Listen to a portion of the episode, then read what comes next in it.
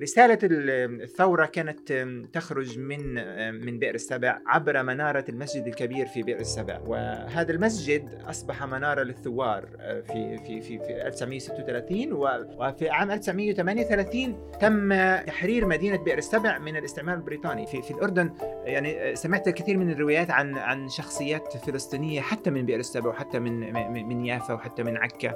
لعبوا دور في السلك التعليمي في دول الخليج. يعني أجيال كثير كثيرة لعبت دور في بناء منظومة التربية والتعليم في الكويت على سبيل المثال. يعني هذه الرواية سمعناها في شوارع لندن من الفلسطينيين أنفسهم. كل هذا الحراك هو مربوط في مدينة القدس ومربوط في في حي الشيخ جراح. بتوقع أنه أثار القضية في الشيخ جراح هي قضية لاجئين قضية لجوء وقضية ناس اللي هم فقدوا أراضيهم في القدس اللي هي في الجانب الغربي من المدينة خاصة في في حي البقعة.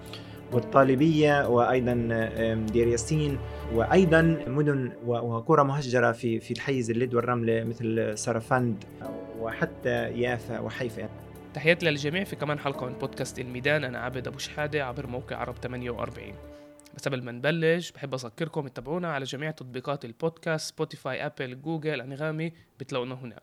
اليوم معي بالتسجيل الباحث والكاتب والمثقف الفلسطيني دكتور منصور النصاصرة. لدكتور منصور النصاصرة في عشرات المقالات الأكاديمية وكتاباته لدكتور منصور بتركز على المدينة الفلسطينية. تحديدا في جنوب فلسطين وعلاقات والديناميكيات ما بين المجتمعات الفلسطينية الموجودة في الجنوب والمدينة والدول الاستعمارية بين إذا كان الانتداب البريطاني أو بين إذا كانت إسرائيل. بكتابه الأخير بدو النقب وبير السبع 100 عام من السياسة والنضال بعطينا تاريخ المنطقة تاريخ جنوب فلسطين المئة سنة الأخيرة مع تطورات العلاقات والديناميكيات ما بين العشائر الفترة العثمانية والنضال من أجل الأرض والمسكن في جنوب فلسطين. وبالإضافة دكتور منصور محاضر في العلاقات الدولية والعلوم السياسية في قسم السياسة والحكم بجامعة بير السبع. دكتور منصور النصاصرة أول شيء يعطيك العافية عزيزي. أهلا أهلا بك عبد أهلا تحياتي. وشكرا على استضافتك في مدينة بير السبع. صحيح في عاصمة الجنوب. وقبل قبل ما نبلش بالمقدمة بدك سألت حالي كيف بدي أعرفك؟ يعني هل أعرفك كباحث؟ هل أعرفك كأكاديمي؟ بس بالآخر قررت أعرفك كالمثقف الفلسطيني. إيه، بسببين. السبب أول دورك الأكاديمي ونشاطك الأكاديمي. بس الأهم من هيك إيه، نشاطك السياسي في شكل عام. يعني أنت من الباحثين اللي بضلهمش في الأكاديميا اللي بيطلع على الإعلام بيحللوا بيستخدموا المعلومات الأكاديمية اللي وصولها خلال نشاطهم الأكاديمي لصالح المجتمع وبرأيي هذا دور كتير مهم للمثقف الفلسطيني عشان للي زينا بنستخدم اللي انت بتكتبه عشان آه، نعم. نثبت آه، واقعنا وموقفنا السياسي. فقررت أعرفك كالمثقف الفلسطيني. آه، كتبت كتير عن الجنوب كتبت كتير عن المدينة الفلسطينية والمدينة في الشرق الأوسط. بالأخص مدينة بير السبع آه، وعلاقتها مع باقي المدن آه، في الجنوب. بس قبل ما نحكي عن بير السبع خلينا نحكي عن المدينة في الشرق الأوسط بناء على الكتاب اللي كتبته بالإنجليزي إذا أنا مش غلطان عن المدينة في الشرق الأوسط وإيش بيميزها ومنها بنكمل للمدينة الفلسطينية. نعم. نعم. شكرا عبد على على هذه الحوارية آه، مثيره طبعا آه، بمواضيعها بمحتوياتها. آه، وأكيد بشرفنا دوما في عرب 48 يعني نحاوركم ونناقشكم بقضايانا المجتمعية. وأيضا قضايانا الحركة كأقلية أصلانية فلسطينية في هذه البلاد. والمواضيع المتفرعة يعني من مجالات آه، اختصاصي طبعا ومجالات نقاشاتي الأكاديمية وأيضا المجتمعية. يعني نحن كأكاديميين طبعا نحن جزء من من هذا الشعب جزء من هذا الوطن ويعني المثقف آه، الفلسطيني آه، له دور كبير ومهم آه، في إنتاج المعرفة خاصة المعرفة النقدية وأيضا المعرفة التحررية في نهاية المطاف. ونعود ونرجع إلى دراسات سبيفاك على سبيل المثال ودراسات ممداني وأيضا دراسات ألبرت ألبرت ميمي وفرانس فانون وإدوارد سعيد ويعني وهذه مدارس مختلفة مهمة خاصة ما تحدث به إدوارد سعيد في كتاباته عن دور المثقف المثقف والسلطة ودور المثقف. أيضا الفلسطيني والعربي بشكل عام في توجيه البوصلة السياسية. والحديث يطول في هذا في هذه في هذه الجوانب. لكن بما يخص المدينة العربية طبعا أنا جزء من اهتماماتي يعني في العقد الأخير كانت عن عن عن مدينة القدس وارتباطها التاريخي والجغرافي والجيوسياسي بمدينة الخليل ومدينة بئر السابع وصولا إلى إلى غزة وحتى المدن الساحلية. خاصة أتردد كثيرا في هذه الأيام على مدينة المجدل يعني من أجمل المدن في فلسطين. مجدل عسقلان آه، وطبعا عسقلان كمدينة المجدل كمدينة أيضا آه، مرورا بمدينة أسدود آه، طبعا القريبة على على يافا ووصولا إلى إلى حي المنشية وحي العجمي في يافا وهذه المنطقة يعني أخذت الكثير من اهتماماتي البحثية في في العقد الأخير. طبعا أنا أحطها يعني في سياق أوسع سياق عربي في عالمنا العربي كما تفضلت وهو يعني خاصة الكتاب اللي صدر لنا في في عام 2020 كتاب صدر آه، في لندن عن طريق روتليج آه، آه، لدراسات المدن في العالم العربي روتليج handbook on Middle East cities وهناك يعني أنظر إلى إلى المدينة العربية قبل اتفاقية يعني تجزئة هذا هذا العالم العربي إلى دويلات ومدن أي أي سايكس بيكو فيعني نتحدث عن عن واقع في هذا الكتاب طبعا Routledge Handbook on Middle East Cities عن واقع المدينة العربية وارتباطها بفلسطين تحدثنا كثيرا عن مدينة غزة وارتباطها بمصر بالقاهرة حتى عن طريق محطة القطار اللي ما زالت موجودة حتى اليوم في في قرية مهجرة اسمها دير سنيد اللي هي قريبة على الحدود مع غزة. هناك مر القطار حتى حتى مصر. ومن الناحية الأخرى أن نتحدث عن عن العلاقة بين مدينة حيفا آه، وعكا ومدينة آه، القاهرة آه، والحركات العربية المشتركة التي جمعت هذه هذه المدن. نتحدث أيضا عن العلاقة بين مدينة القدس وبين مدينة القاهرة. ونتحدث أيضا عن مدن في هذا الكتاب عن مدن في شمال إفريقيا مركزية مثل مدينة مراكش وفي المغرب العربي ومدينة فأس وأيضا آه، الرباط. ودور هذه هذه المدن آه، في في في شمال إفريقيا آه، في في في مقاومة الاستعمار وصولا إلى إلى مدن مركزية في في الجزائر وحتى في المناطق الكردية في في العراق مثل مدينة العيون ودهوك على سبيل المثال.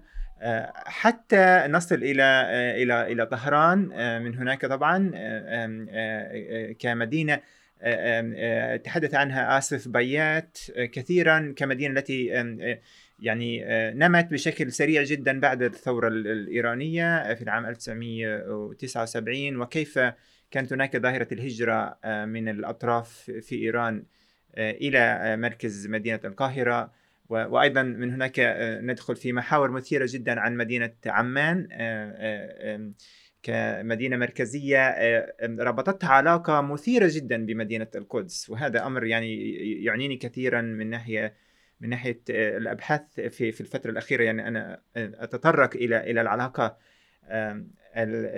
الطبيعية المثيرة بين مدينة القدس وبين مدينة مدينة عمان وكيف إنه القدس كانت هي المدينة ذات أهمية أكبر من مدينة عمان في في الفترة الأردنية في منذ ال 48 حتى عام 1967 وحتى مطار القدس الدولي الذي ربط مدينة القدس بعمان وأيضا ربط القدس بالعواصم العربية هذا المطار طبعا اللي اللي اللي كان يربط مدينة القدس حتى بالقارة الأوروبية وبالمدن العربية. كمثال على عن, عن هذا التواصل الجغرافي الجيوسياسي الروحاني والاجتماعي آه، آه، اليومي مع مع مع فلسطين وخاصة مع مع القدس.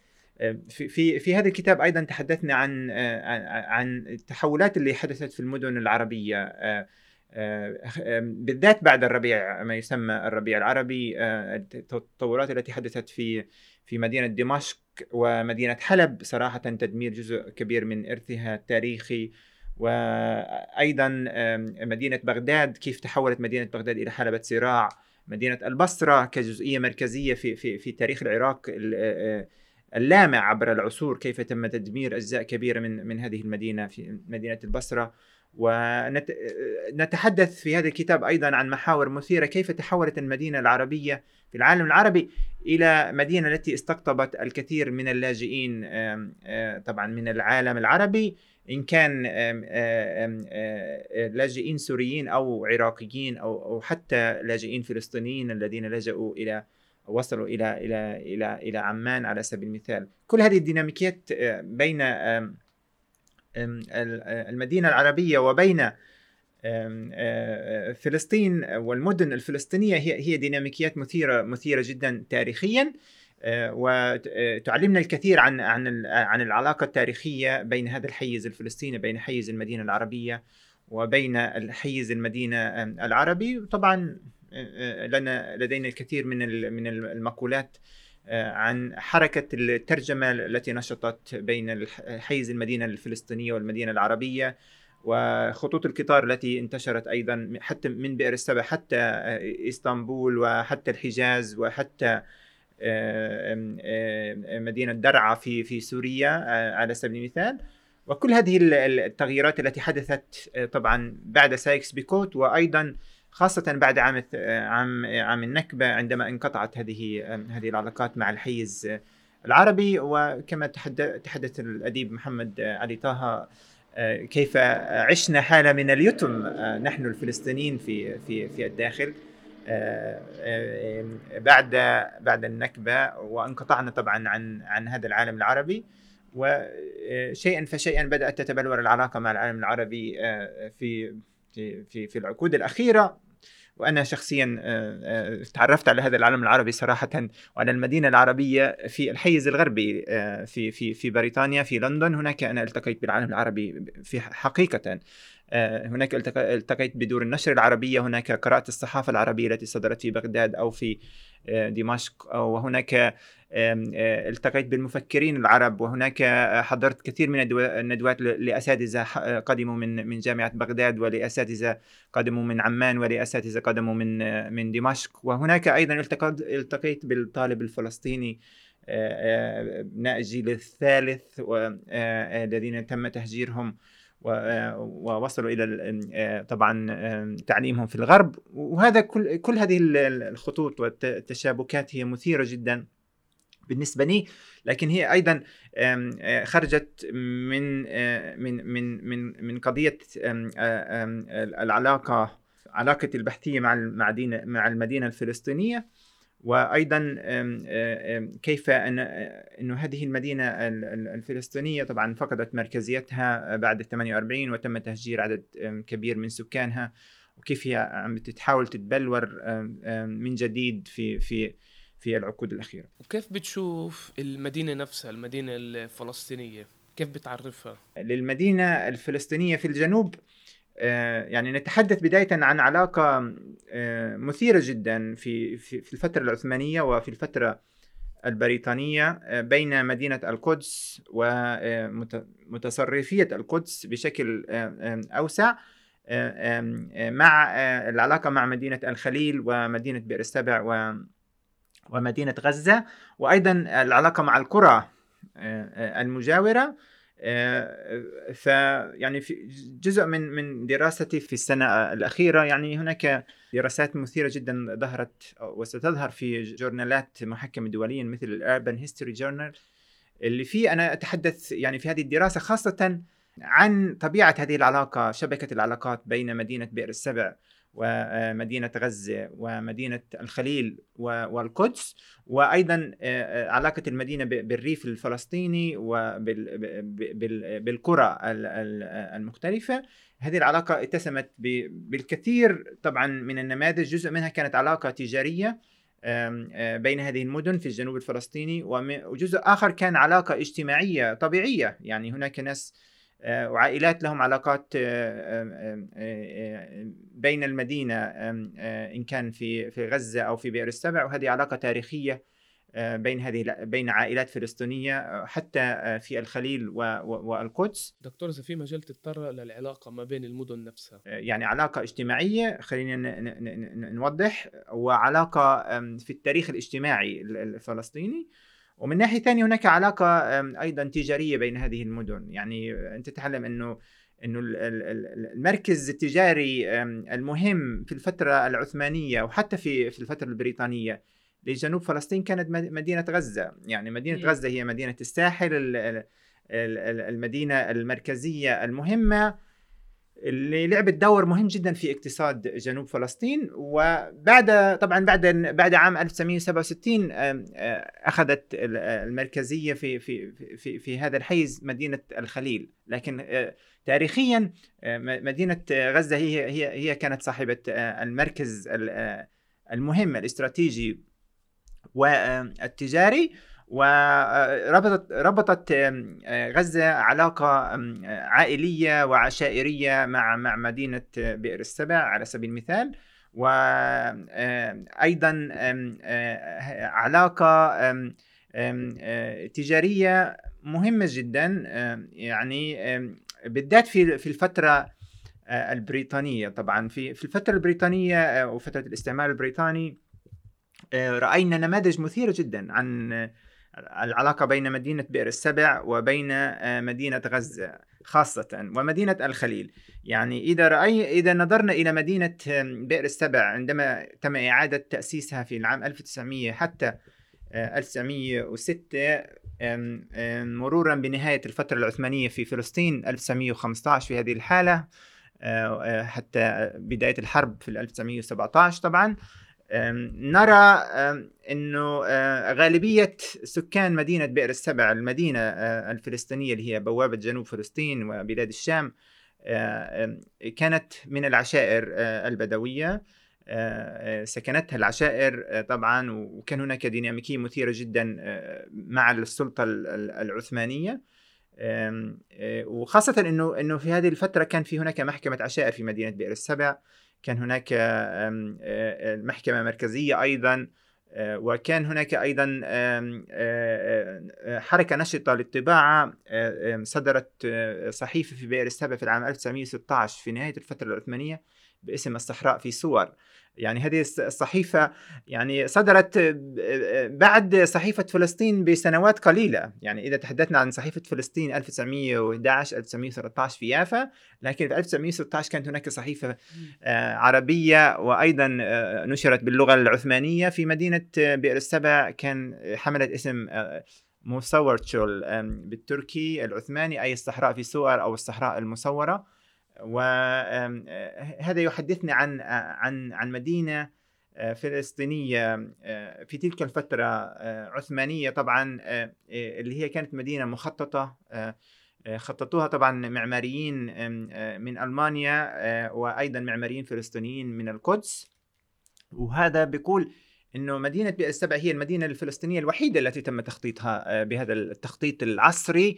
المثير جدا آه، وهذا طبعا آه، تم الإشارة إليه في الوثائق العثمانية اللي كشفت أمامنا في السنوات الأخيرة التي تحدثنا عن شارع باسم آه، شارع جمال باشا في مدينة بئر السبع وشارع غزة وهذا ارتباط مباشر بمدينة غزة وأيضا شارع بسيسو نسبة إلى عائلة بسيسو من غزة وروايات مثيرة جدا عن عن العلاقة بين بئر السبع وبين مدينة غزة. طبعا ولا ننسى إنه آه، الجزئية المركزية عن مدينة بئر السبع هي ما يسمى ال- الكوسمو آه، آه، العلاقة الكوسموبوليتانية الكوسموبوليتانيزم. بمعنى إنه إنه مدينة بئر السبع نموذج مثير جدا. بمعنى هي جمعت الفلسطيني من غزة والفلسطيني من الخليل والفلسطيني آه، من طبقات التجار من القدس أو من الطبقات آه، آه، الطبقة الإدارية. وأيضا جمعت عائلات من من من, إسدود ومن مجد العسقلان وحتى من يافا سكنوا في مدينة بئر السبع وهذا خلق نموذج مدينة فلسطينية أنا برأيي مثير جدا وحتى مش موجود اليوم يعني في في عالمنا اليوم في عالم المدينة الفلسطينية. وه- وهذا أمر كان يعني بالنسبة لي إحدى أهم الملفات اللي تعاملنا معها عندما درسنا ونحاول أن ندرس مدينة بئر السبع حتى اليوم. لكن الأهم من ذلك إنه من يعني من لعب دور في إدارة مدينة بئر السبع هم أهل غزة طبعا وأهل الخليل وأهل مدينة بئر السبع من العشائر البدوية أيضا. يعني نذكر آه، إنه آه، في 1913 كان حماد باشا الصوفي من العشائر المحلية آم، رئيس بلدية بئر السبع لكن لاحقا نرى حسب الرواية العثمانية وأيضا آه، الأوراق البريطانية إنه آه، كان هناك رئيس بلدية آه، من غزة اللي ادار مدينة بئر السبع حمل اسم تاج الدين شعت. آه، من من عائلات غزة آه، حتى 1947 و- وآخر رئيس بلدية لبئر السبع كان مشتهى مصطفى آه، قبل النكبة اللي هو بالأساس من عائلة خليلية من الخليل. وهذا بيقول هذه طبيعة العلاقة المثيرة بين بئر السبع والخليل وغزة. حتى إنه إنه الناس اللي آه، اللي داروا مدينة بئر السبع في مجلسها المحلي هم ناس اللي أجوا من من المدن الفلسطينية آه، المجاورة.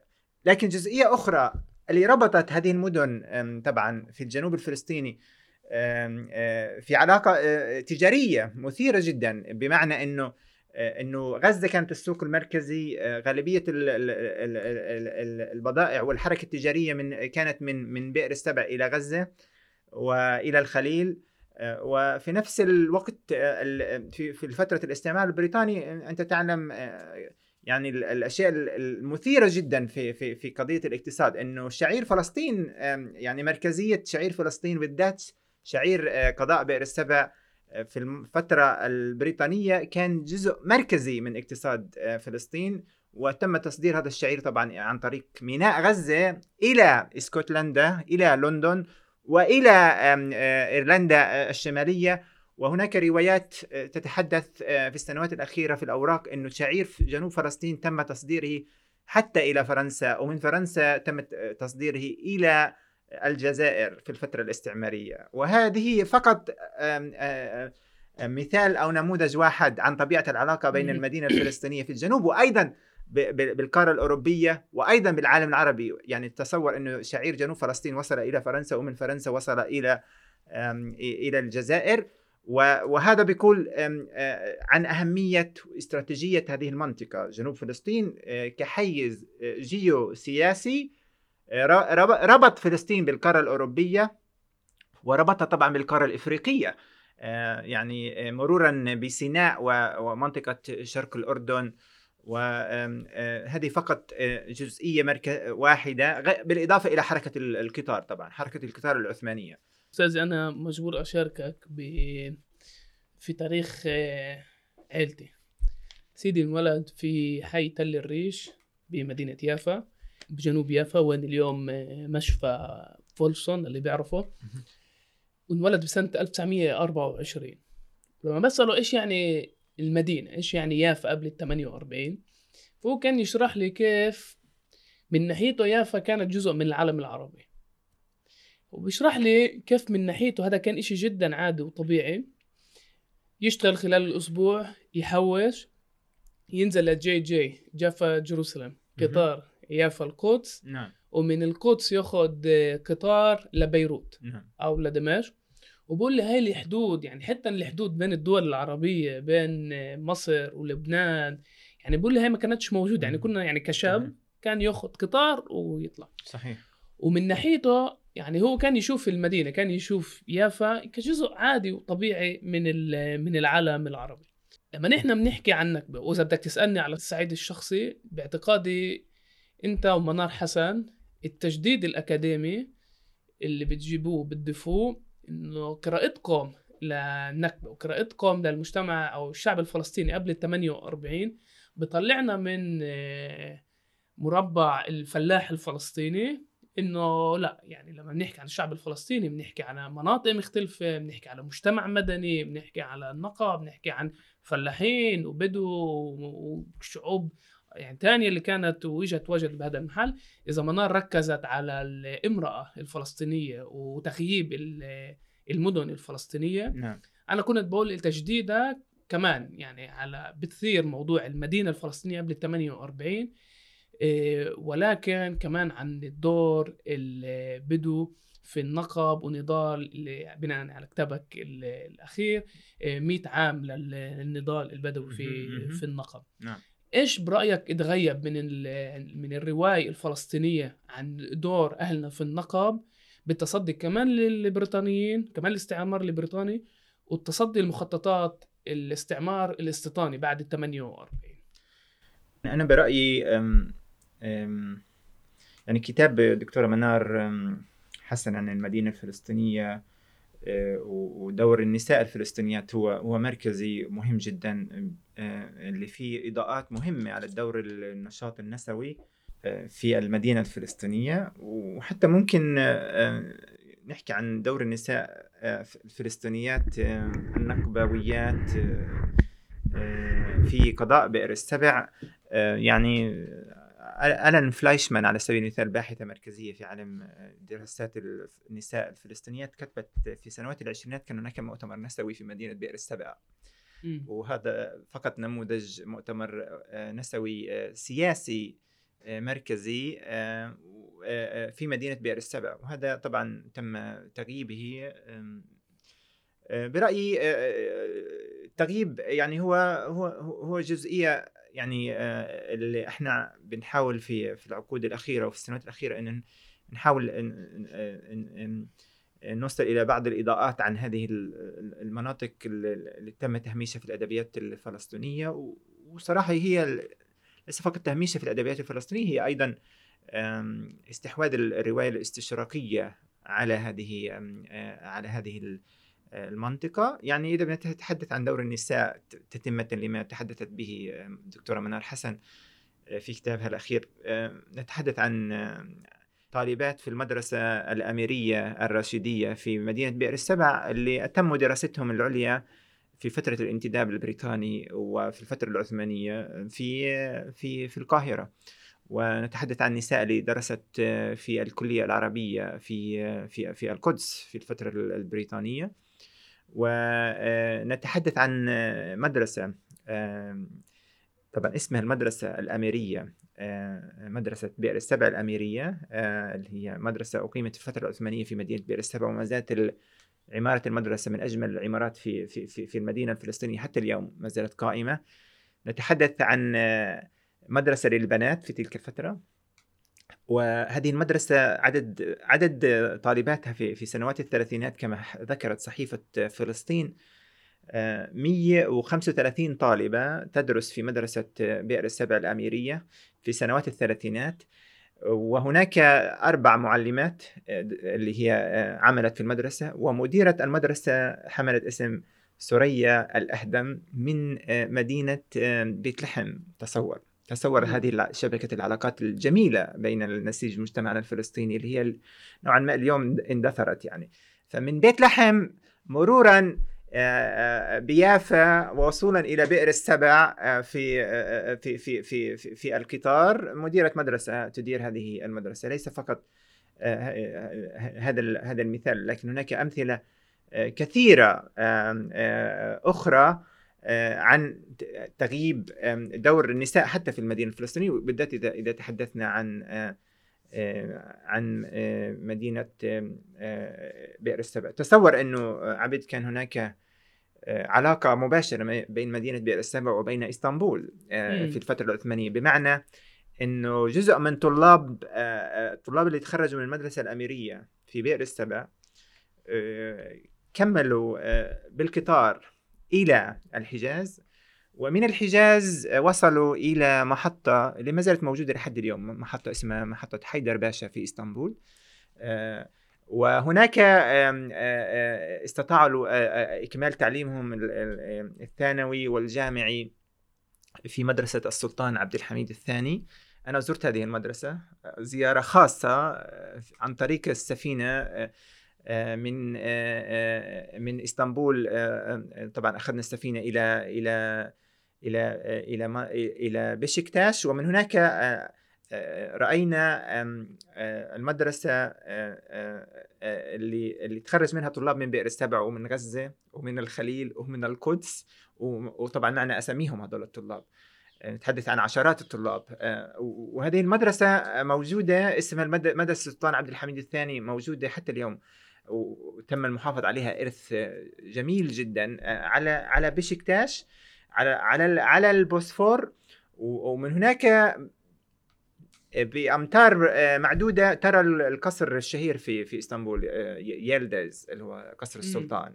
فتصور يعني السلطان قرر إنه يبني المدرسة آه، لابناء العشائر بجانب قصره على البوسفور. وهذه الرحلة أنا قمت بها من كاديكوي من ضواحي إسطنبول حتى وصولا إلى بشكتاش وهناك آه، يعني آه، أيضا آه، فتنا على الأوراق أوراق المدرسة. ورأينا بعض أسماء طلاب من بئر السبع ومن غزة ومن يافا على فكرة ومن الخليل اللي درسوا في هذه المدرسة. وهذا فقط فقط مثال واحد عن عن هذه شبكه العلاقات. بين المدينة إسطنبول في هذه الحالة وبين وبين قضاء قضاء بئر السبع وغزة ويافا والقدس. في السنوات الأخيرة توصلنا إلى معلومات مثيرة جدا عن عائلات مقدسية آه، اللي سكنت في مدينة بئر السبع آه، وحتى علاقات اجتماعية آه، بين عائلة الحسيني على سبيل المثال والنشاشيبي وعشائر محلية في مدينة بئر السبع لأنه كان هناك موظفين فلسطينيين اللي وصلوا لمدينة بئر السبع من المدينة المركزية بس الجزئيه المركزيه أيضا المغيبه في الجنوب هي هي قضيه المدارس وأيضا مدارس البنات يعني يعني اذكر ان حدثني ال High Commissioner اللي هو الحاكم لبئر السبع في عام 1943 حدثني عن وجود مدرسة في 43 في قرية الفالوجة مدرسة للبنات م. تصور في قرية الفالوجة هناك مدرسة للبنات في عام 1943 وحتى سيدة اللي أدارت المدرسة هي سيدة بري سيدة سيدة بريطانية and something وحتى الوثيقة موجودة أنا شفت هذه الوثيقة. الأكثر مثير من ذلك أنه عن طريق أوراق أو الأوراق الشخصية لحاكم بئر السبع اللي أنا اطلعت عليها في بريطانيا في سامرست في جنوب غرب بريطانيا. آه، في مدينة اسمها فروم آه، إنه في في في بعض المكاتبات كانت بين أبناء العشائر في بئر السبع وبين اللورد أوكسفورد آه، ليمهد له لأبنائهم الطريق للوصول إلى جامعة أوكسفورد في بريطانيا. وهناك كان وثيقة مهمة جدا عن واحد من الطلاب من من عشيرة أبو محفوظ على اسمهم تل أبو محفوظ ما يسمى اليوم تل السبع. درس في الكلية العربية في القدس اللي هي كانت تابعة لجامعة لندن واللقب اللي حصل عليه كان لقب جامعة لندن. هذا الحديث قبل عام النكبة. تمام؟ وهذا الشخص موجود في في عمان وبعث لنا بشهادة شهادة الجامعة. اللي هي London School of Economics وفي تلك الفترة كلية الاقتصاد في لندن. يعني وهذه هذه هذه رواية يعني أنا بالنسبة لي كانت مثيرة وخيالية اللي هي تحدثنا إن ما حدث في ال 48 إنه تم تدمير كل هذا الإرث وأيضا تم تهجير هذه الطبقة، يعني تصور لو إنه هذه الطبقة استمرت في عملها في في الجنوب. كنا سنرى صورة مختلفة كاملة عن وضع التعليم على سبيل المثال في هذه الحالة، لكن هذه الطبقة تم تم تهجيرها بالكامل وروايات كثيرة أنه حتى جزء من طلاب بئر السبع درسوا في فترتين العثمانية والبريطانية في مدينة غزة أنه آه، لم تكن هنا مدرسة ثانوية في, في فترات معينة وأيضا كان هناك بعض الطلاب اللي وصلوا لمدينة لمدينة يافا يعني لتيراسانتا على سبيل المثال آه، وهذا الحديث يعني آه، ممكن اليوم نوضح أكثر في الرواية الشفوية وأيضا بالرواية الأرشيفية العثمانية والبريطانية ويعني أكثر مثير بالنسبة لي هو إنه إنه إنه هذا الارتباط بين جنوب فلسطين وبين المدن في جنوب فلسطين هو ارتباط اقتصادي سياسي وأيضا اجتماعي مثير جدا. يعني بعد الوثائق العثمانية بينت لنا في الفترة الأخيرة انه هناك عائلات من مجد العسقلان ومن إسدود اللي سكنوا في مدينة بئر السبع آه، و مجالس محلية في الفترة البريطانية في مدينة غزة وإسدود وعسقلان وحتى آه، في قرية آه، الفلوجة في تلك الفترة اللي كانوا اجتماعاتهم الشهرية تعقد في مدينة بئر السبع وواحدة من هذه الاجتماعات كانت في حيز آه، مسجد بئر السبع الكبير الجامع الكبير. في في عام 1936 في فترة الثورة وفترة الإضراب الكبير الذي حل في في جميع أرجاء فلسطين. ورسالة الثورة كانت تخرج من من بئر السبع عبر منارة المسجد الكبير في بئر السبع. وهذا المسجد أصبح منارة للثوار آه، في في في في 1936 و وفي عام 1938 تم تحرير مدينة بئر السبع من الاستعمار البريطاني. يعني تم آه، طرد الحامية البريطانية الثانية اللي هي ال British Second Battalion من مدينة بئر السبع على يد أبناء العشائر آه، اللي هي طبعا انضمت للثورة ومرورا آه، بأبو منصور الجولاني الملقب بالشلف قائد الثوار في مدينة الخليل. آه، وطول كرم في تلك الفترة يعني وصلوا إلى مدينة بئر سبع وتم تحرير المدينة لمدة ستة أشهر. والأكثر مثير من ذلك عندما سقطت مدينة بئر السبع في عام 1948 رفع العلم الفلسطيني من أحد نوافذ بناية السرايا التي ما زالت موجودة حتى اليوم. هذا ال record في الفترة الأخيرة من بريطانيا من ال British Library حصلناه.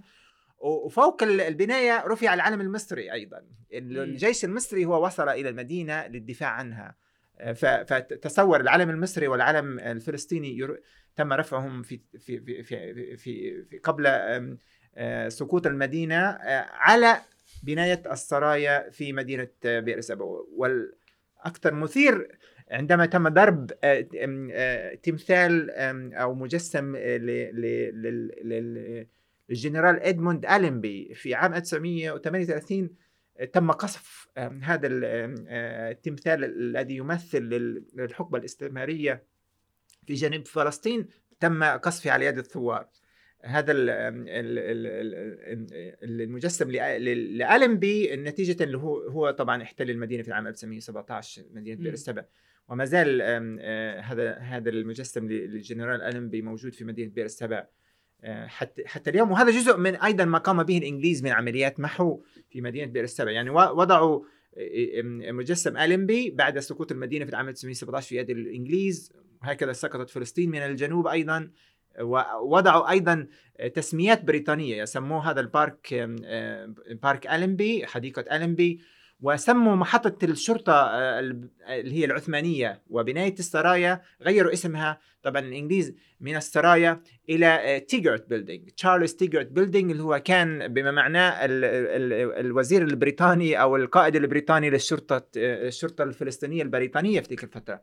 على اسم سميت البناية تيجرت تشارلز تيجرت في البلد القديم بئر السبع وهذا جزء من عملية المحو. يعني الإنجليز ساعدوا في عملية محو الرموز الفلسطينية ليس فقط الحركة الصهيونية في 48 يعني أنت إذا تذهب إلى مدينة القدس إلى شارع ما سمي لاحقا King George آه، شارع الملك جورج وشارع الملك السلطان سليمان وأيضا آه، آه، حديث عن عن كيف الإنجليز لعبوا دور في محو الأسماء العربية في مدينة القدس.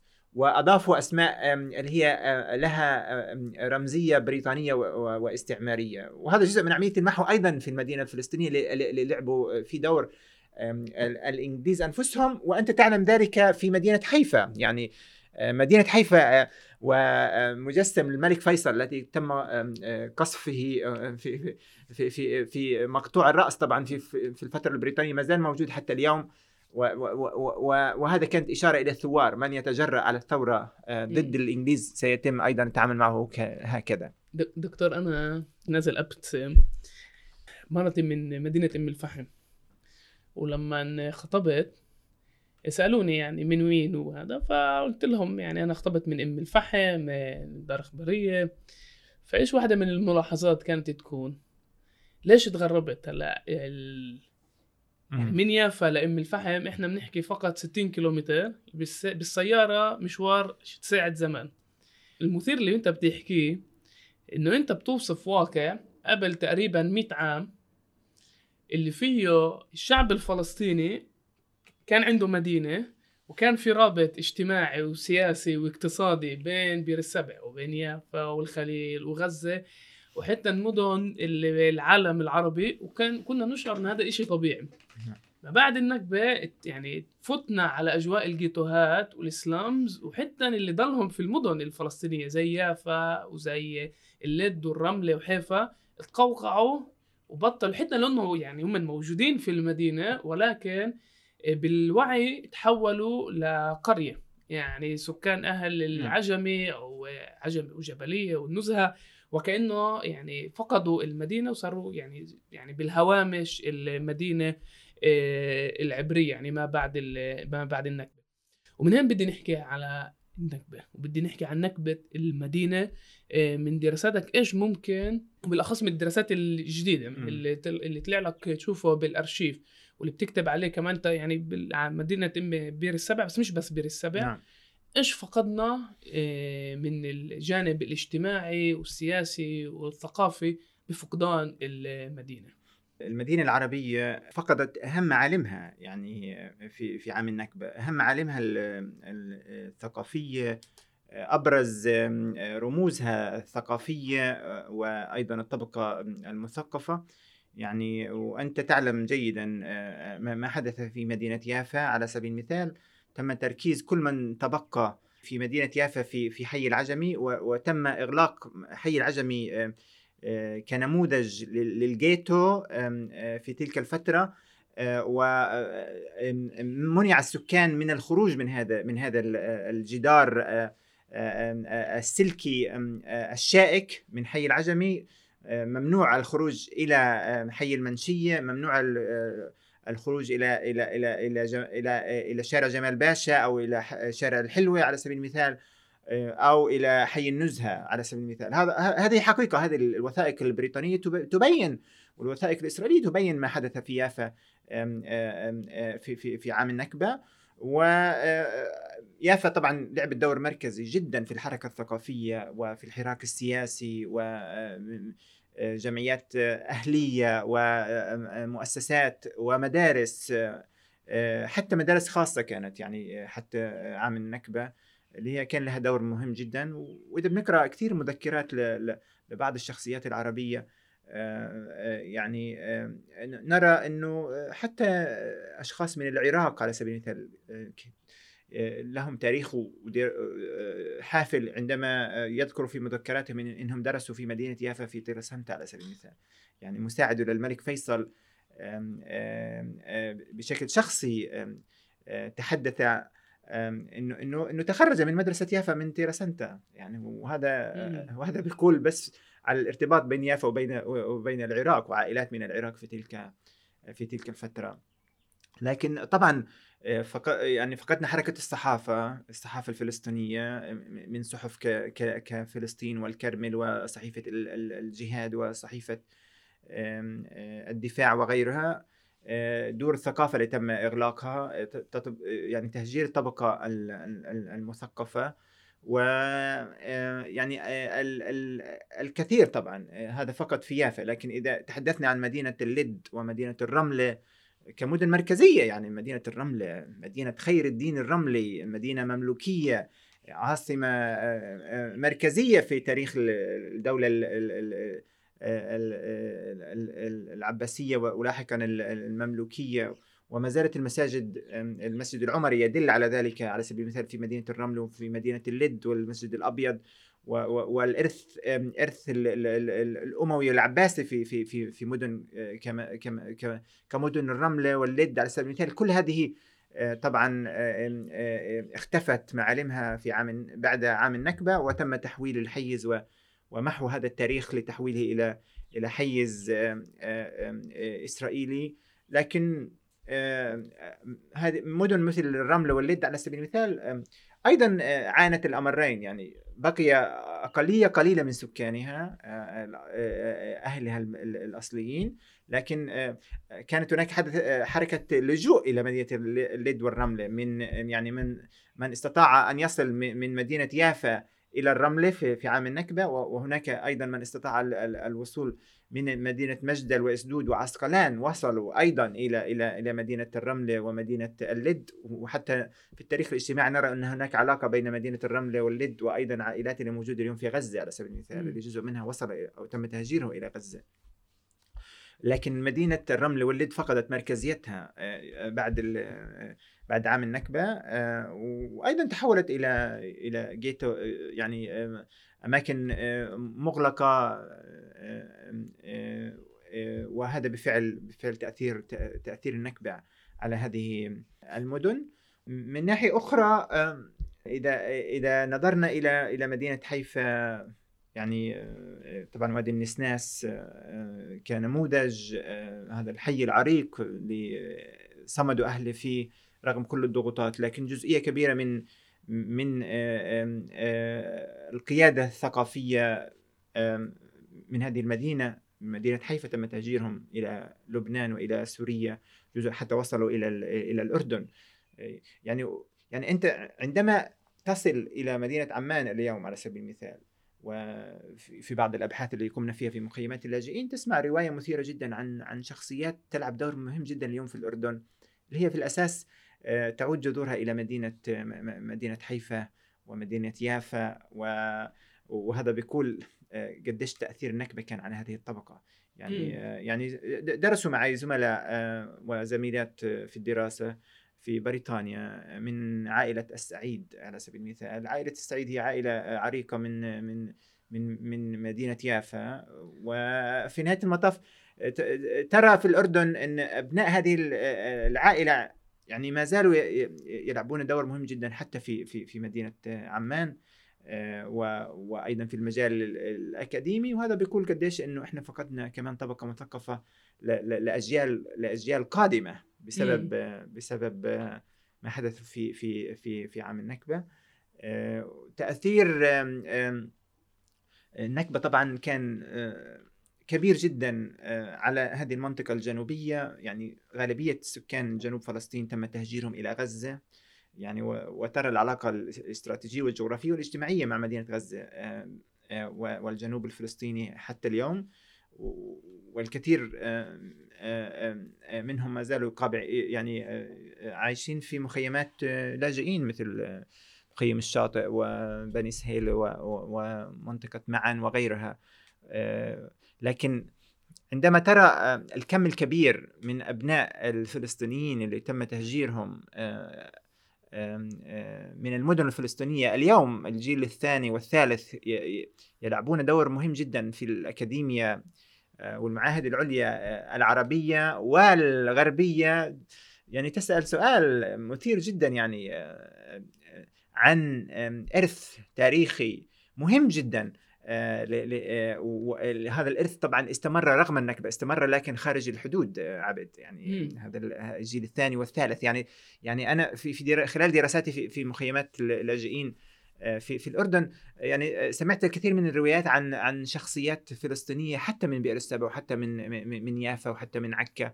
آه، لعبوا دور في في في السلك التعليمي في في دول الخليج. يعني أجيال كثيرة لعبت دور في في في في في بناء منظومة التربية والتعليم في الكويت على سبيل المثال. يعني هذه الرواية سمعناها في شوارع لندن من الفلسطينيين أنفسهم. يعني لم يكن هناك فلسطيني مهجر من الجيل الثاني والثالث الذي لم يعمل في سلك التربية والتعليم في الكويت. وهذا بما بما معناه. وأيضا في في في في في, في مدينة بغداد. وأيضا في في سوريا. آه، يعني الطلاب اللي اللي أنا قابلتهم في في جامعات بريطانية هم من الجيل الثالث. آه، آه، جزء منهم قدموا من مخيم اليرموك لكن هو من دار الخطيب اللي هم من أم الفحم أو من من سخنين على سبيل لكن هذه يعني الصورة اكتملت عندما تغربنا نحن كطلاب اكتملت في الغرب لنعرف ما ماذا تعني النكبة في خارج الحدود في خارج الحدود الذي نعرفها اليوم وعبر القارة آه، الاوروبي وهذه هذه بحد ذاتها كانت يعني أشياء لن تمحى من ذاكرتي. دكتور مع كل الحب والتقدير لعالمنا العربي اللي بفهمه منك اللي استفاد من الطبقة المثقفة الطبقة الوسطى من المدن هدول الدول والمدن العربية ما بعد النكبة. يعني كل الإرث الثقافي والأكاديمي اللي كان موجود آه، بسبب النكبة استمر ولكن في بلدان تانية طبعا هذا لا ينفي بحبنا وتقديرنا لهاي البلدان وحبنا نشوفها آه، بتتطور. بس بدي نرجع شوي عن نحكي عن جنوب فلسطين وكتابك 100 عام للنضال. وبرأيي التجديد المركزي بهذا الكتاب النقد على الرواية الفلسطينية اللي بتشددش كفاية الدور الجبار اللي قاموا فيه أهالينا في جنوب فلسطين بالتصدي كمان بالتصدي للاستعمار البريطاني والمعارك الشرسة اللي كانت ضد تقسيم النقب أو ضد تهويد النقب. ليش بنحكيش كفاية عن دور أهالينا في الجنوب قبل ال 48 وضد اللي بالإنجليز هذا واحد. الشغلة الثانية إيش صار ما بعد ال 48 يعني بنعرف إنه كان في آه، مدينة فلسطينية بس هيك أنت بتذكر إنه بير السبع بال 48 كانت فاضية. يعني ما ضلش تقريبا ولا حدان. يعني هل بتربط بسبب المعارك اللي كانت في النقب آه، في جنوب فلسطين ما ضلش حدان؟ آه، أو في أسباب تانية تتعلق للمعارك اللي كانت موجودة. نعم أنا يعني أنا أعتقد يعني الاهتمام دوما الأكاديمي آه، كان كان يرتكز على على المدن يعني على الطبقة على الطبق يعني وأبناء الطبقة الوسطى آه، الفلسطينية لعبوا دور في إنتاج المعرفة عن المدينة يعني آه، على سبيل المثال مدينة القدس. اللي أنا كثير مهتم فيها في السنوات الأخيرة وعم بكتب عنها كثير أمور اللي هي أيضا فيها تجديدات و وستخرج إلى النور طبعا قريبا. لكن البحث الأكاديمي آه، في فترات معينة آه، فلسطينيا تركز على المدينة تركز على على حيفا تركز على يافا آه، ارتكز أيضا على مركزية المدينة خاصة مدينة القدس وأبناء طبعا المدن الفلسطينية يعني لعبوا دور في إنتاج معرفة في في الحيز المدينة. لكن يعني تأخروا شيئا ما في الوصول إلى إلى إلى, إلى القرى المجاورة لأنه ما بنقدر نفهم المدينة طبعا من دون العلاقة مع القرى ومع الناس اللي هم ساكنين في, في الحيز الكروي. لأن مجتمعنا الفلسطيني هو هو مجتمع مكون من سكان مدن ومن سكان القرى ومن سكان البادية. وهذه علاقة طبيعية بنيه طبيعية جدا لكل مجتمع لكل مجتمعاتنا العربية يعني. في في في عالمنا العربي. ف فالبادية هي جزء من من النسيج الفلسطيني والقرية هي جزء من النسيج الفلسطيني والمدينة هي جزء مركزي في آه، ومهم في في النسيج الفلسطيني. والرواية الفلسطينية لكن كل هذه آه، تعمل بشبكة مثيرة جدا. يعني لا نستطيع أن نفهم المدينة من دون تطورات ما يحدث في في القرى المجاورة. لذا أنا دائما آه، يعني بحكي إنه في شبكة علاقة مهمة جدا بين المدينة وبين وبين القرى. وهذا الحكي آه، طبعا آه، آه، يعني ممكن يكون صحيح بالنسبة لغالبية المدن المركزية وكيف هي برضو كان لها شبكة علاقات مع مع القرى وهذا صحيح بالنسبة للعلاقة بين قضاء بئر السبع في الفترة البريطانية والعثمانية وقضاء غزة. يعني كانت علاقة طبيعية يومية بين الناس يعني السكان الفلسطينيين في قضاء غزة وقضاء بئر السبع. وهذا بيبين أيضا في العلاقات الاجتماعية. الشبه يومية. وأيضا العلاقة اللي هي استمرت عبد حتى بعد بعد عام النكبة لكنها كانت علاقة مخفية. يعني أنت بتعرف عبد لحد اليوم هناك علاقة اجتماعية متينة رغم الحدود ورغم 67 ورغم آه، أزمات غزة المتعددة وتسكيرها إن هناك علاقة آه، بين العشائر آه، في جنوب فلسطين وبين مدينة غزة وعلاقات علاقات اجتماعية وعلاقات نسب وعلاقات تجارية موجودة حتى اليوم يعني. لكن بحكم الحدود والوضع السياسي يعني هي شبه يعني أو بترت هذه العلاقة. لكنها هي علاقة موجودة لا نستطيع أن نتغاضى عنها وهذا الأمر موجود مع مع الخليل ومع مع مع مدينة القدس. لكن طبعا هناك يعني عودة في السنوات الأخيرة للسردية الفلسطينية ومركزية بئر السبع وقضاء بئر السبع في هذه السردية. وهذا أمر مهم جدا إنه إحنا يعني في في العقد الأخير استطعنا إنه إنه نرجع هذا الجنوب الفلسطيني المهمش لمركزية الرواية الفلسطينية. ولمركزيه مدينة بئر السبع في دراسات المدن الفلسطينية وحتى إنه يعني الدراسة الأخيرة اللي راح تصدر يعني في الأيام القادمة يعني الاديتور اللي اللي راجع المقالة في مهمة في في في الجورنال اسمه Urban History كتب لي جملة بعد كل التصحيحات اللي قمنا فيها على مدار سنتين. شكرا على إنك حطيت آه، أو وضعت مدينة بئر السبع في حيز آه، آه، دراسات المدن في العالم. وهذا بحد ذاته كانت من أجمل الجمل اللي قرأتها في في المراجعات العلمية اللي سمعتها في السنوات الأخيرة عن عن عن الدراسات اللي قمت فيها. لكن طبعا في في عام 48 كما حدث في يافا وكما حدث في في حيفا وعكا واللد والرملة حدث أيضا في بئر السبع لكن كانت مغيبة الرواية للوهلة لكنها اليوم هي في, في, في وضع يختلف.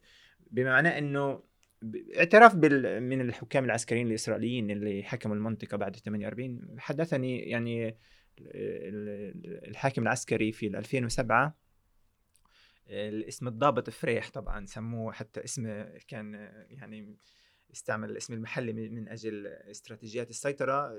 قال بالحرف الواحد يعني في بئر السبع لم يبقى أحد لم يبقى. لا سكان من الخليل ولا سكان من غزة ولا أبناء العشائر. حتى قال إنه في نهاية المطاف حتى العصافير يعني والطيور هاجرت من المدينة بعد النكبة.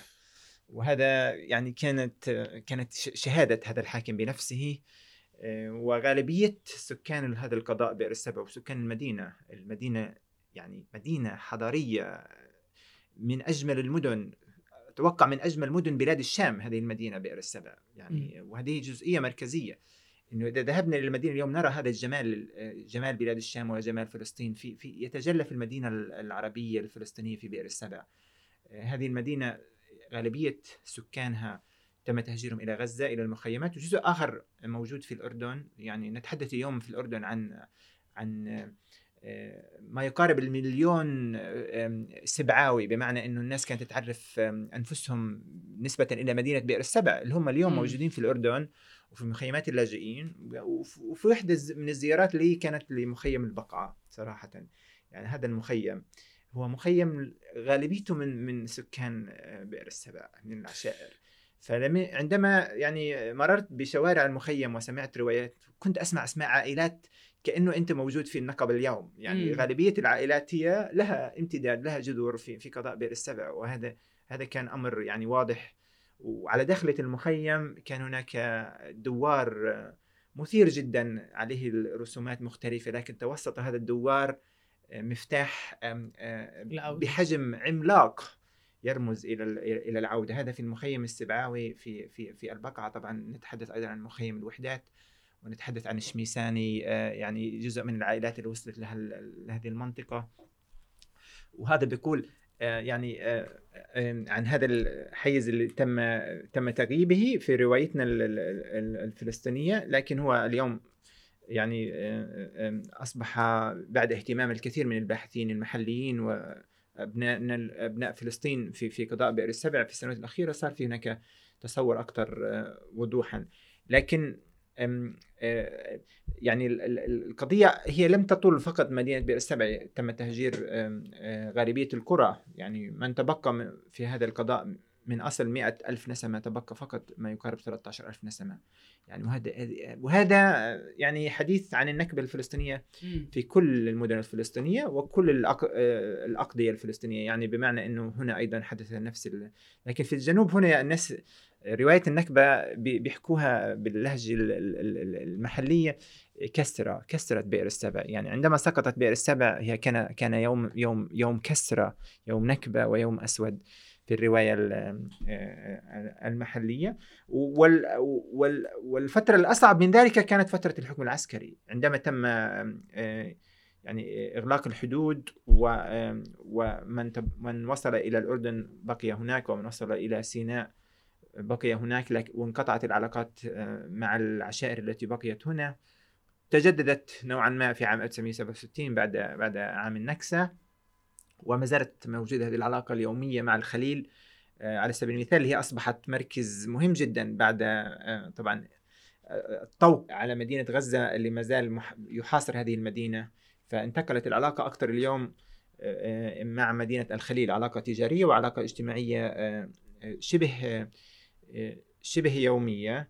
طبعا مجتمعنا الفلسطيني ككل من تبقى آه، بعد النكبة عاش سنوات حكم عسكري صارمة جدا وأنا في كتاب النقب مئة عام من السياسة والنضال هناك فصل كامل عن منظومة الحكم العسكري اللي هي منظومة آه، الطوارئ وكيف تم آه، السيطرة على كل من تبقى من الفلسطينيين في داخل هذه الحدود تم السيطرة عليهم بمنظومة حكم عسكري وبمنظومة تأشيرات يعني. بمعنى إنه بدون تأشيرة كان صعب على الطالب يطلع من بئر السبع أو من من من من قرية آه، في المنطقة يوصل لدراسة في في منطقة المثلث مثلا أو في منطقة الجليل أو في حتى في يافا. لذا يعني آه، تم آه، قطع العلاقة تقريبا بين النقب منطقة الجنوب قضاء بئر وبين سائر مجتمعنا الفلسطيني في الداخل حتى عام 67 يعني كان تقريبا بصعوبة تامة كان تحصل على تأشيرة من الحكم العسكري للطلاب يدرسوا في أول أفواج درسوا من النقب على سبيل المثال في المدارس الثانوية في في مدينة الطيرة. وهناك طلاب اللي درسوا في مدينة كفر قاسم لاحقا في قلنسوة وأيضا في يافا وأيضا ولاحقا أيضا في في تيرسانتا الناصر. يعني وهذه العلاقة بدأت تتبلور في سنوات الستينات آه، في نهاية فترة الحكم العسكري اللي فيها وصلوا طلاب من الجنوب إلى إلى منطقة المثلث و لعدم وجود مدرسة ثانوية طبعا في في في ظل حكم عسكري آه، آه، هنا. دكتور أنا يعني أول شيء بقدر أسمعك ساعات. يعني برأيي هاي المعلومات آه، مهمة إلنا عشان نعرف مين إحنا عشان نعرف لوين كمان إحنا رايحين. ولكن عشان نديك الوقت مجبور أسألك كمان إيش بيصير اليوم. نعم. وبدي أحط السؤال في سياق هبة الكرامة. آه، اللي ميز هبة الكرامة كانوا المدن الفلسطينية تحديدا يافا اللد آه، حيفا وعكا. ونوعا ما كمان آه، بلدان أو على مفارق الطرق على مفارق الطرق آه، في جنوب فلسطين. واللي فاجئ الكل برغم سياسات التهويد وبرغم الانعزال عن باقي الشعب الفلسطيني تفاجأنا إنه في هنا جيل جيل ثالث بعد النكبة. حتى لو فيش عنده المصطلحات الأكاديمية لتعريف ذاته أو لتحليل الواقع ولكن فهم إيش دوره التاريخي وأنت ذكرت فرانس فانون ففي جملة جدا مهمة لفرانس فانون إنه كل جيل له الدور التاريخي يكتشف يعني تحت الاستعمار يكشف دوره بين إذا خانه أو بين إذا اتقبل واقعه يعني بمعنى الاستعماري نعم. نعم. إيه، وتفاجئنا ليش برأيك التحدي أو الخروج للشوارع والميدان وتحدي سياسات إيه، سياسات إسرائيل طلع من المدن التاريخية ومش من القرى مع إنه كان في يعني بام الفحم كان بكثير قرى بس يعني. التركيز كان على بالذات يافا اللد إيه، وعكا ومن تجربتي الشخصية يعني كان حكم عسكري. يعني إحنا شفنا وحدات ما يسمى المشمار هكفول كانت تتجول بالشوارع جابوها من منطقة الخليل حتى ليافا ودخلوا بالفعل دخلوا البلدان هاي لمدة شهر حكم عسكري. بمعنى إنه تمرق بالشارع بيرفعوا عليك سلاح وبيطلبوا منك هوية. ليش المدن العربية يعني الفلسطينية في الداخل يعني تصدرت عناوين في في فترة هبة الكرامة وهبة أيار 2021 برأيي هي هو سؤال مركزي ومهم جدا وتحليلي أنا كان إنه نحكي عن عقود من التهميش للمجتمع الفلسطيني في الداخل أزمات اقتصادية متراكمة سلب الأراضي وسلب الحيز يعني الذي تبقى للفلسطينيين في الداخل ومحاصرتهم في هذه المدن. يعني يعني هم هم تم محاصرتهم على هامش هذه المدن على هامش يافا على هامش عكا وعلى هامش مدينة حيفا. وفي حارات تعاني العنف ومشاكل الاجتماعية والاقتصادية في مدينة اللد ومدينة الرملة وحتى في القرى المهمشة هنا في في في قضاء بئر السبع. لكن أنا برأيي يعني كل هذا الحراك هو مربوط في مدينة القدس ومربوط في في حي الشيخ جراح.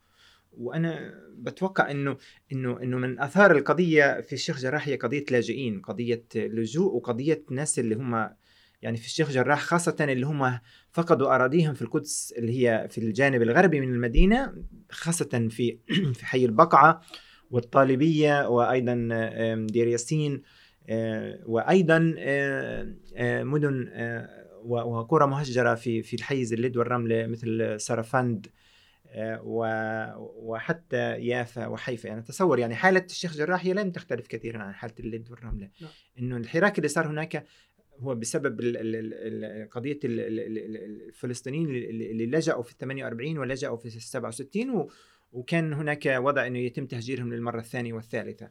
يعني يعني قضية اللاجئين لعبت مرك... اللاجئين والمهجرين الداخليين لعبت جزئية مركزية في الحراك اللي صار في في الشيخ جراح والحراك اللي صار في اللد والرمل ويافا يعني آه، في يافا واللد والرمل اللي هي حيز يعني جغرافي قريب جدا.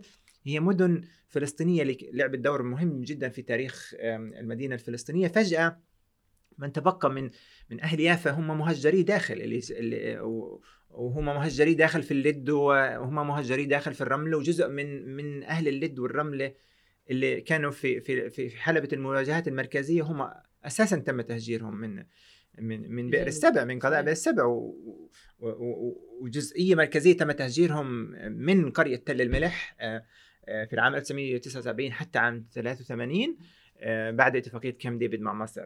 يعني أنا برأيي المدينة العربية اليوم كيافا واللد والرملة وحيفا آه، وادي النسناس والحليصة ومدينة عكا آه، آه، القديمة هي مدن عبد تعيش حالة نكبة يومية. بمعنى أنه الناس الفلسطينيين أهل الأرض الأصليين تم تركيزهم في بنايات وعمارات وسلب أراضيهم. هم كل يوم من الشباك بيشوفوا النكبة من الشباك بيشوفوها من الشباك. بمعنى أنه أرضي هناك آه، تم سلبها. وأنا ساكن في برج آه، آه، يعني أربع عمارات وازدحام شديد لكن أرضي اللي تم سلبها مني أنا بشوفها كل يوم وأنا رايح بمشوار العمل في اللد وفي الرمل وفي يافا بشوفها كل يوم لكن هي تم سلبها. يعني الناس اللي موجودين في هذا الحيز المدينة اللي يسموها طبعا مدينة مختلطة هي مدينة تم استعمارها بدهمش على سبيل المثال وأيضا حي المحطة وشنير وغيرها. يعني هذه المدن يعني الوضع اللي فيها هو ليس طبيعي هو مدينة مدن الناس اللي موجودين فيها الفلسطينيين هم تم تهجيرهم داخليا مرة ومرتين وثلاثة وهم في نفس الوقت فقدوا أراضيهم وعايشين النكبه على المدار وبشكل بشكل يومي. وفي يافا في حي العجمي آه، عاشوا النكبه منذ 48 حتى اليوم. وفي نفس الوقت هم مش قادرين يرجعوا للمنشية ومش قادرين يرجعوا لحي النزهة. ف ولا حتى لشارع الحلوة. بمعنى إنه هذا هذا هذه ديناميكية ديناميكيه نكبة يومية. لذا هناك كانت القضية المركزية. هناك كان كانت احتدام الغضب هذا والنكبة اليومية اللي بيعيشوها الناس أدت إنهم يخرجوا للشارع أول أول من خرجوا. لأنه هم عايشين في في في واقع مركب ومعقد جدا آه، أكثر من المدينة العربية اللي هي عايشين سكانها كلهم آه، طبعا فلسطينيين إن كان في مدينة آم الفحم اللي كان فيها أيضا حراك مهم جدا وإن كان في في في مدن عربية أخرى. لكن هذه المدن كاللد والرملة ويافا وعكا وحيفا هي مدن التي تعيش هذا الصراع الهوياتي اليومي تعيش هذا الصراع الاقتصادي اليومي وتعيش فقدان الذاكرة وفقدان الأرض بشكل يومي. لذا هذه المنطقة هي منطقة مأزومة وهي أول أول مناطق خرجت خرجت للشارع وحتى يعني هويتها الفلسطينية لم يتم طمسها رغم المشاريع في ما يسمى الكو اكزيستنس والتعايش كل هذه سقطت في لحظة واحدة لماذا؟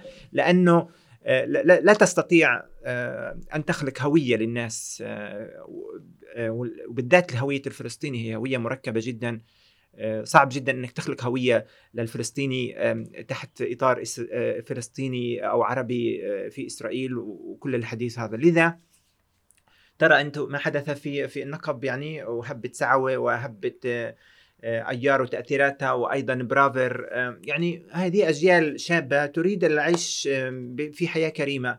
تعيش أن تريد أن تصل إلى إلى أماكن عمل أفضل. آه، الوصول إلى إلى الهاي تك وإلى وإلى أماكن أفضل اقتصادية.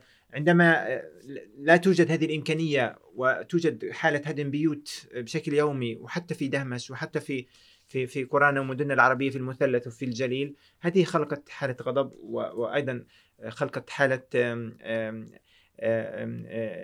إنه حان الاوان أن نقول لا لهذه لهذه السياسات ولهذا الاضطهاد آه، ولهذا الحصار يعني لا يعقل حصار اللد والرمله ويافا في بعض الحارات العربية.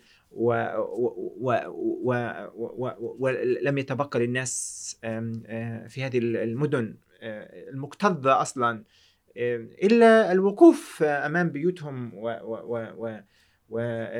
والدفاع عنها والدفاع عن ما تبقى لهم في في في, في هذا الحيز.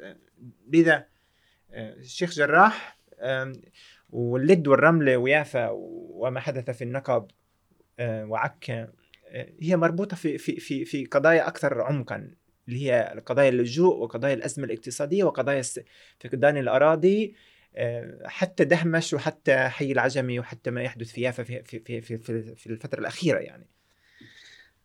دكتور منصور النصاصرة أنا جدا سعيد بهذا اللقاء وبرأيي بالذات المداخلة الأخيرة فيها إضافة نوعية بالإبستمولوجي إنه كيف إحنا كبشر بنشوف الواقع وقديش مشاعرنا بتأثر نعم. على نعم. تصرفاتنا. السياسية وأنت ذكرت شغلة اللي إيه، جبتها يعني بالضبط سيدي بعد 48 بعد بالأخص بعد قانون إيه، أملاك الغائبين كان يقول لي كنت أوقف على سقف عالي في حي العجمي من حي العجمي كان جيت وكان ممنوع نطلع من حي العجمي نعم. وبقول لي كنت أشوف أراضينا في تل الريش بعد 2 كيلومتر بس ممنوع كان أطلع من حي تل الريش وتصادرت الأراضي. بس أنا كنت أشوفها وبعدين مراحل أكثر متأخرة يعني هو ما قبلش بس ناس تانية لقت حالها بتشتغل كعمال في أراضيها يعني نعم. بعد ال 48 نعم. فشكرا شكرا, شكرا عزيزي. شكرا لك يا عبد وشكرا لمدينة يافا طبعا ولهذه العلاقة التاريخية الجميلة مع مع بئر السبع وحتى وصولا إلى القدس يعني. فأنا يعني يعني لا أستطيع أن طبعا أتنفس الحرية دون أن أرتبط بحيزي الواسع اللي هو الحيز المدينة من بئر السبع إلى إلى إلى غزة وإلى مجد العسقلان وإلى أسدود ومن هناك إلى يافا وحيفا وعكا مرورا بالقدس ومدن مثل اللد والرملة. يعني وهذا دورنا طبعا في نهاية المطاف إنه إحنا أقل ما فيها نعطي لحظة من وقتنا ومن مشاريعنا الأكاديمية إن هي تعالج قضايا قضايا الناس وقضايانا اليومية.